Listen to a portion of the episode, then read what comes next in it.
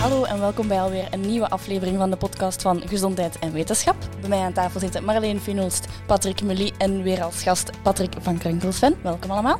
Hallo. Dank u. Hallo. We vliegen er meteen in. Patrick als gast. Ehm, het schijnt in het vaccinatiecentrum vragen ze je of je twee weken voor dat je je vaccin gaat krijgen een ander vaccin hebt gekregen. Waarom vragen ze dat? Ja, dat is eigenlijk een, een, een klassieke voorzorg die men neemt als er een nieuw vaccin op de, op de markt komt. Nu is natuurlijk COVID nieuw. Dan weet men nog niet goed hoe dat het zit met de nevenwerkingen. En als men dan kort bij elkaar twee verschillende vaccins geeft en er komt dan achteraf een nevenwerking, ja, dan kan je discussiëren, het ligt aan het een of het ander. Of misschien is er wel een interactie tussen de twee. Maar een paar weken geleden heeft het uh, Amerikaanse Centrum voor Disease Control uh, gezegd dat dat eigenlijk die maatregel niet meer nodig is. Zeker nu we beginnen met kinderen of jonge mensen te vaccineren, komt het nog vaker voor dat er een ander vaccin is toegediend. En dat zou dan heel veel miserie geven om elke keer dat 14 dagen te moeten uitstellen. En zij zeggen, ja, wij hebben eigenlijk zoveel overtuigende gegevens dat er geen enkele interactie is. En we weten ondertussen ook al wat de nevenwerkingen zijn. Dus daarom is er geen enkele reden meer om 14 dagen te wachten. Dus heb je een paar dagen vooraf bijvoorbeeld een, een spuitje gehad tegen tetanos of tegen kinkhoest, uh, wat de laatste keer voorkomt, dan mag je eigenlijk gerust ook je andere vaccin hebben tegen COVID. Ja, dat is zo'n klassieke maatregel die men altijd neemt als er men een nieuw vaccin op de markt brengt, vooral niet levende vaccins dan dat je dat best niet combineert. Gewoon om te kijken wat voor nevenwerkingen geven ze. Dat is eigenlijk de enige reden. Hè. Ja, maar ondertussen kennen we die nevenwerkingen. Geldt die ja. regel dan nog altijd? Moeten we nog twee weken wachten?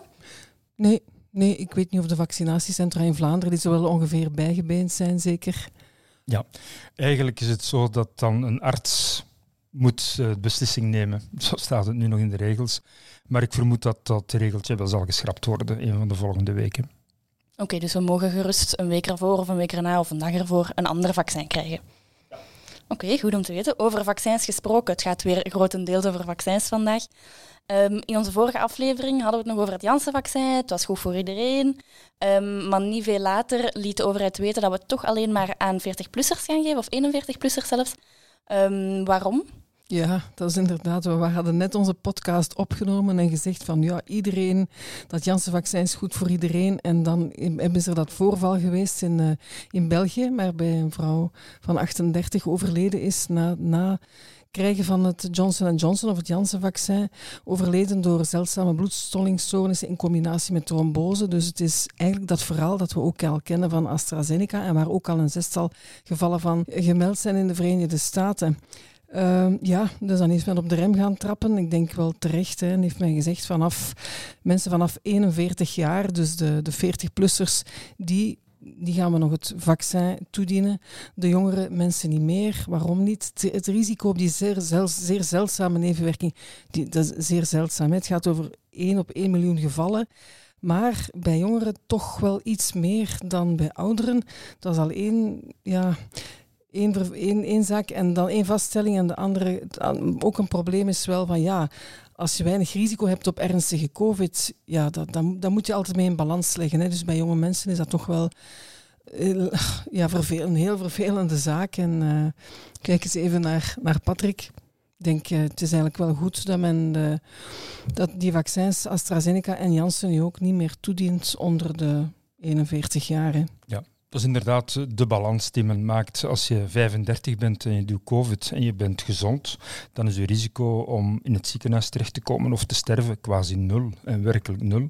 En als je dan zo iemand die zo'n klein risico heeft, dan een vaccin geeft waar hij toch ook een risico heeft, uh, ook bijna nul, maar of ongeveer even klein of even groot, ja, dan, dan is dat echt geen goede balans. En dat is eigenlijk de reden dat men zegt, ja, voor jonge mensen gaan we het niet doen.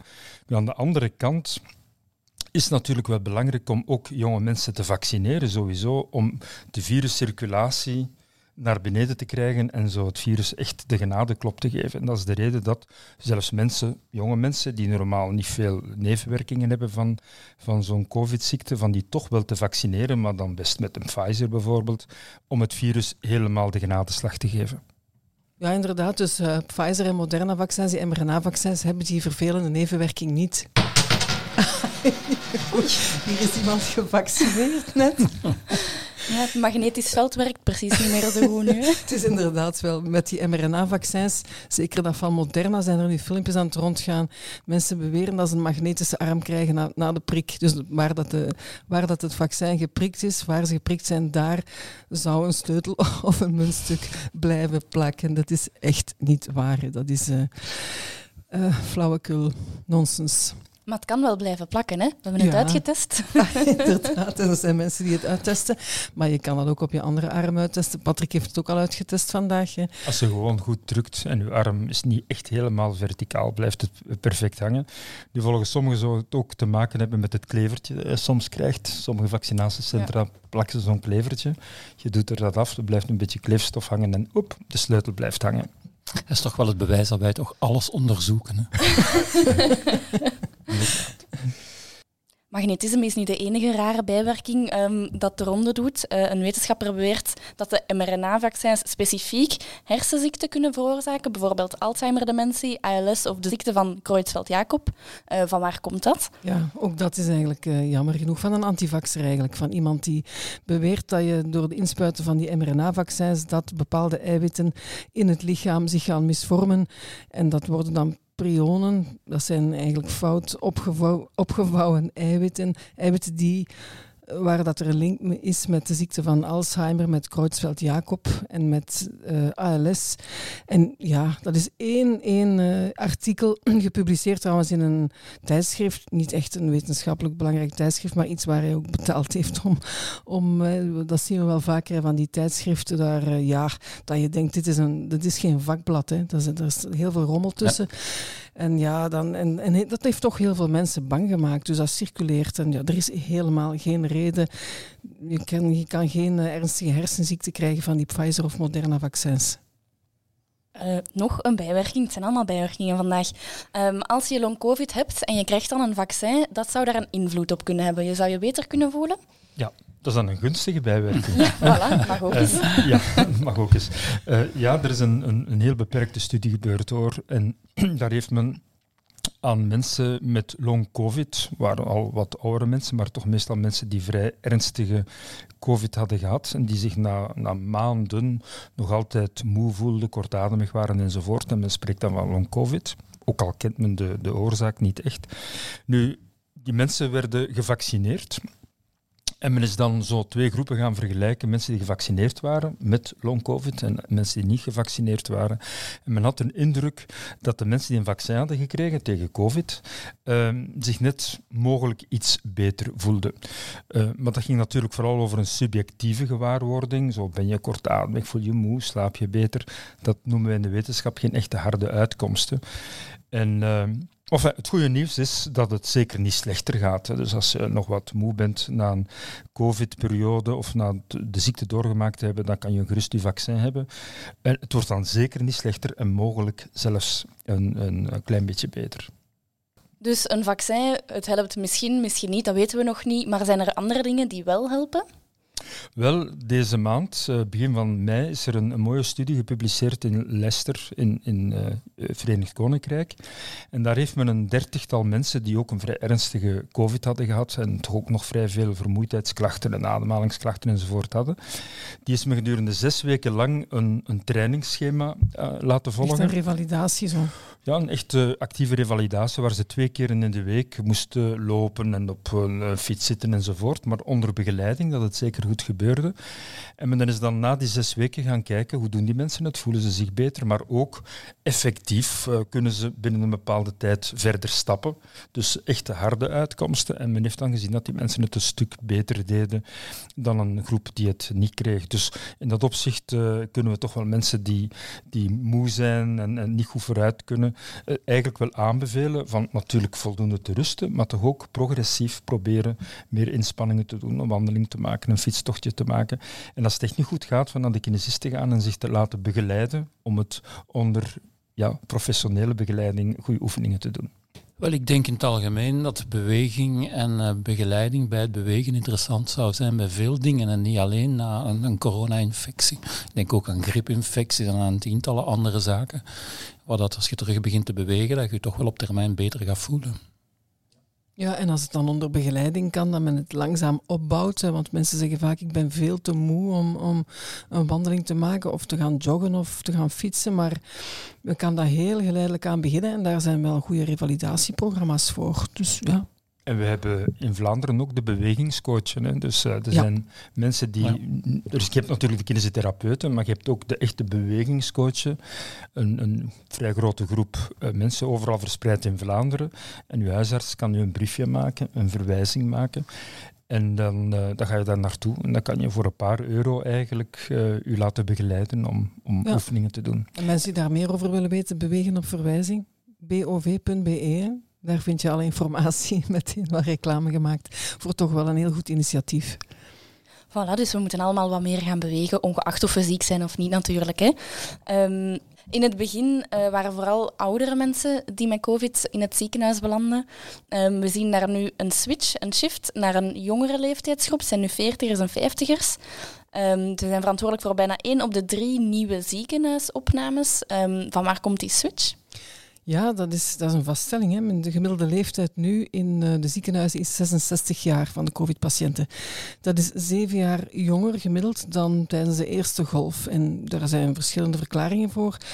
Uh, ten eerste, ja, de ouderen die, die, zijn, die worden minder en minder gehospitaliseerd, want die zijn meer en meer gevaccineerd. Dus die zijn eigenlijk beschermd en worden niet meer opgenomen in de ziekenhuizen.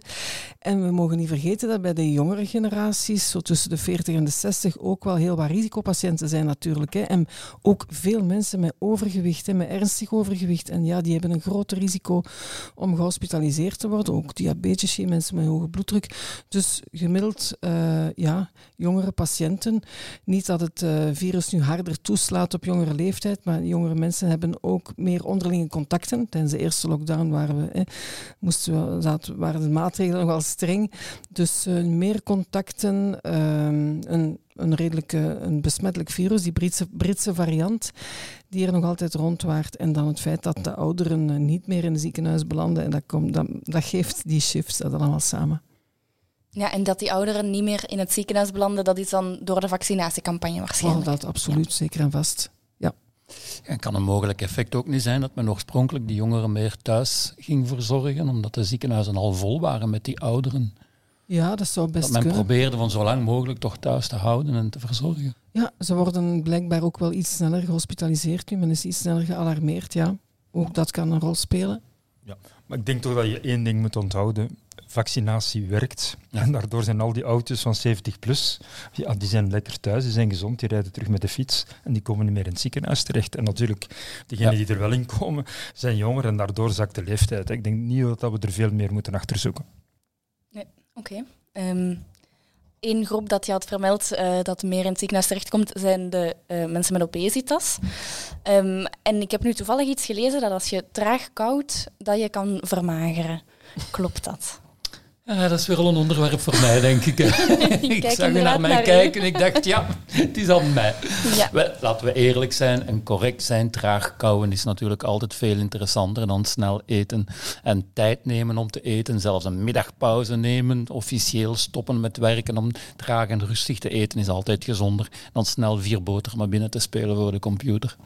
Dus mensen die traag eten, die zullen eigenlijk bewuster eten en langzaam voelen dat de maag zich vult.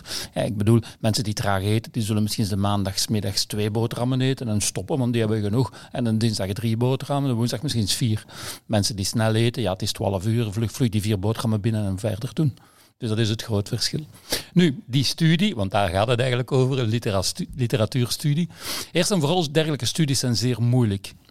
Want dat lijkt simpel, traag eten en dan zien wat dat geeft. Nu, dat hangt ook af van de voedingsmiddelen die je toedient aan die mensen, van hoe gewoon zijn die van dat traag te eten vol te houden en zover. Dat zijn allemaal factoren die, die een rol spelen. Dus in deze studie had men dus gezien dat mensen die zeer traag eten, uh, dat die op een maaltijd minder calorieën opnemen en vandaar de grote algemene conclusie, dat is als je traag eet, gaat je vermageren. En daar loopt het natuurlijk volledig mank. Dat zijn van die verbanden, relaties die totaal absurd zijn, die studies duren niet lang genoeg om echt een effect te zien op, uh, op, op, op de weegschaal. Maar het is natuurlijk wel zo, mensen die uh, meestal traag eten zijn ook slanker dan mensen die zeer snel eten. Dus dat is gezond, maar deze studie was niet gezond. Nee. Er is toch ooit een hele een hype rondgebouwd, de mindful eating. Is dat niet een beetje gebaseerd op traag eten? Ja, Mindful inderdaad. eating? En ik zie ook in sommige studies moet je tot 40 keer kauwen per hap. ik kan u verzekeren, aan 15 zit ik op lucht te kauwen. Zit- dat en, is dan- dus- en dan moet je nog zitten tellen ook. Ja, dat is dus maar- niet evident. Maar ja, ik, ik zou daar toch positief tegenover Ja. staan. Ik heb een zoon en die plooit zo een, een boterham en dan nog eens een keer dubbel en twee happen en die boterham is binnen. Dat zeg ik ook. En dan zo drie, vier na elkaar. Dan zeg ik, geef het een beetje tijd dat je dat een is- verzadiginggevoel Ja, kan ik weet hebben. al over wie Dus- het gaat. Ja, maar zo snel eten, is, is, dat kan niet goed zijn. Nee. En eh, ik denk dat de studie eh, was niet zo goed. Maar eh, ja, op uw gemakske rustig eten is zeker beter. Maar het, het, het, het ongelooflijke van die studie is eigenlijk, de sponsor, dat is eigenlijk een producent van eh, snelle snacks. dus die eigenlijk eerder geïnteresseerd was in het omgekeerd. Hoe kan ik zoveel mogelijk binnenslikken en verkopen? En niet in traag eten. Maar dat bewijst dat gesponsorde studies soms toch goed materiaal leveren. Dat is inderdaad een mogelijkheid. Een andere voedingsstudie, dus ik blijf nog even bij u. Ehm, plantaardige voeding zou ontstekingsremmend kunnen werken. Ja, en je kijkt weer naar mij, dat is weer een studie voor mij. Ik moet zeggen, qua voedingsstudies zijn we eigenlijk niet verwend de laatste jaren, want soms eigenlijk gebeuren er zaken die ongelooflijk zijn. Dit is een studie op 1425 personen. En wat hebben ze gedaan? Ze hebben gewoon gekeken naar de darmbacteriën in de stoelgang. Eh, welke bacteriën zitten daarin? En die hebben ze ingedeeld in de gezonde en de minder gezonde bacteriën aanwezig in de stoelgang. En hebben ze aan die mensen gevraagd, wat deed jij zo allemaal? En dan hebben ze een statistisch programma losgelaten. En ze hebben 175 relaties nagekeken tussen voedingsmiddel en die bacteriën. En inderdaad, daar kwamen sommige positieve dingen uit, zoals een plantaardige voeding is gezonder dan een dierlijke voeding. Dat is eigenlijk de grote conclusie van de studie. En dat is, nog, nog, is dat is ook wel een juiste Dat conclusie. is een volledig hè? juiste conclusie, maar uiteindelijk om dan de link te leggen met die eh, darmgezondheid, met die immuniteit en zo verder, vertrekkend van de darmflora, dat is eigenlijk toch wel een stap verder. En dat is al jaren aan een stuk dat we zitten eh, onderzoek te doen en correct en goed onderzoek te doen naar het nut van die darmbacteriën. Maar dat is ook al jaren aan een stuk dat die producten verkocht worden zonder dat we eigenlijk duidelijk weten wat ze juist doen en vrij duur verkocht worden in vergelijking met gewone yoghurt. Dus ik ben zeer positief over het wetenschappelijk onderzoek. Ik ben veel minder positief over die commercialisatie rond dat concept, dat eigenlijk ook een invloed heeft op het wetenschappelijk onderzoek. We hebben al verschillende voorbeelden gekend van onderzoekers die betaald werden door die firma's die dergelijke producten verkopen, of nog een stap verder, die zelf een eigen firma hadden, die dergelijke producten verkochten en dan toevallig positieve effecten vonden. Dus ja, ik denk dat die link tussen die darmflora en de commercialisatie daar geen goed aan doet. Ja, die darmflora is wel gehyped de, de voorbije jaren. Een beetje onder het stof geraakt door de virussen nu, maar... Ja, natuurlijk. Maar bon, het, het concept was natuurlijk wel... Oorspronkelijk maakte darmflora zo deel uit van dat concept van functionele voedingsmiddelen. Rond het jaar 2000 werd iedereen langzaam maar zeker obese en moesten wij minder gaan consumeren. En dan vonden die firma's een fantastisch concept, functionele voedingsmiddelen. Dat zijn dan voedingsmiddelen die je moet gaan consumeren om gezonder te zijn. Ja. Dus uiteindelijk, dat En was... waarbij je nog meer calorieën... eh Ja, nou, ja, Denk aan sommige- die kleine flesjes die ja, s morgens voor het ontbijt moesten die bevat worden. eh, 60 je tot merk 80 noemen. Ja, 60 Ja. tot 80 calorieën. Hè. Als je dan nog een flesje bijneemt om je cholesterol eh, iets te doen dalen, zat je aan 150, 160 calorieën. Dus cholesterol daalde, maar de weegschaal die ging naar boven natuurlijk. Hè. Met andere woorden was dat een geweldig concept om verder te verkopen binnen een verzadigde markt. Maar uiteindelijk, na vele jaren onderzoek, weet men eigenlijk nog altijd... Je moet niet vergeten, dat concept van die darmbacteriën, dat is van de jaren 30. Hè. En als je nu nog altijd niet weet wat het juist doet, dat is toch wel vervelend. Er zijn ook veel zogenaamde, zelfs medicijnen, hè, die, die capsuletjes met heel veel, met miljoenen of, Ja. of ja, miljarden misschien, van die goede bacteriën, die je dan bijvoorbeeld als je diarree hebt, en dan wordt dat nog eens een keer gegeven. En eigenlijk goh, is ook het onderzoek, er is enorm veel onderzoek rond gedaan en meestal geeft dat ongeveer niks. Het zal waarschijnlijk meestal geen kwaad kunnen, maar het geeft heel weinig. Dus het belangrijkste dat je moet doen bij diarree is, eh, is heel veel drinken. en eh, een dag of twee geduld hebben. En dan is negen keer op tien is die diarree ook gedaan. En hoef je zeker zo geen supplementen te slikken. En als het echt erg is, dan neemt je Imodium kunnen. En dan, eh, maar natuurlijk, als je koorts hebt enzovoort, dat is een Ja. andere zaak, moet je naar de dokter gaan. Hè. Maar een diarree is meestal een self-limiting disease, dus die meestal na twee dagen sowieso over is. Ja, en als je de wetenschappelijke literatuur ziet, in sommige gevallen van diarree, rotavirus, diarree, zou dat een beetje helpen. Maar dat is geen markt.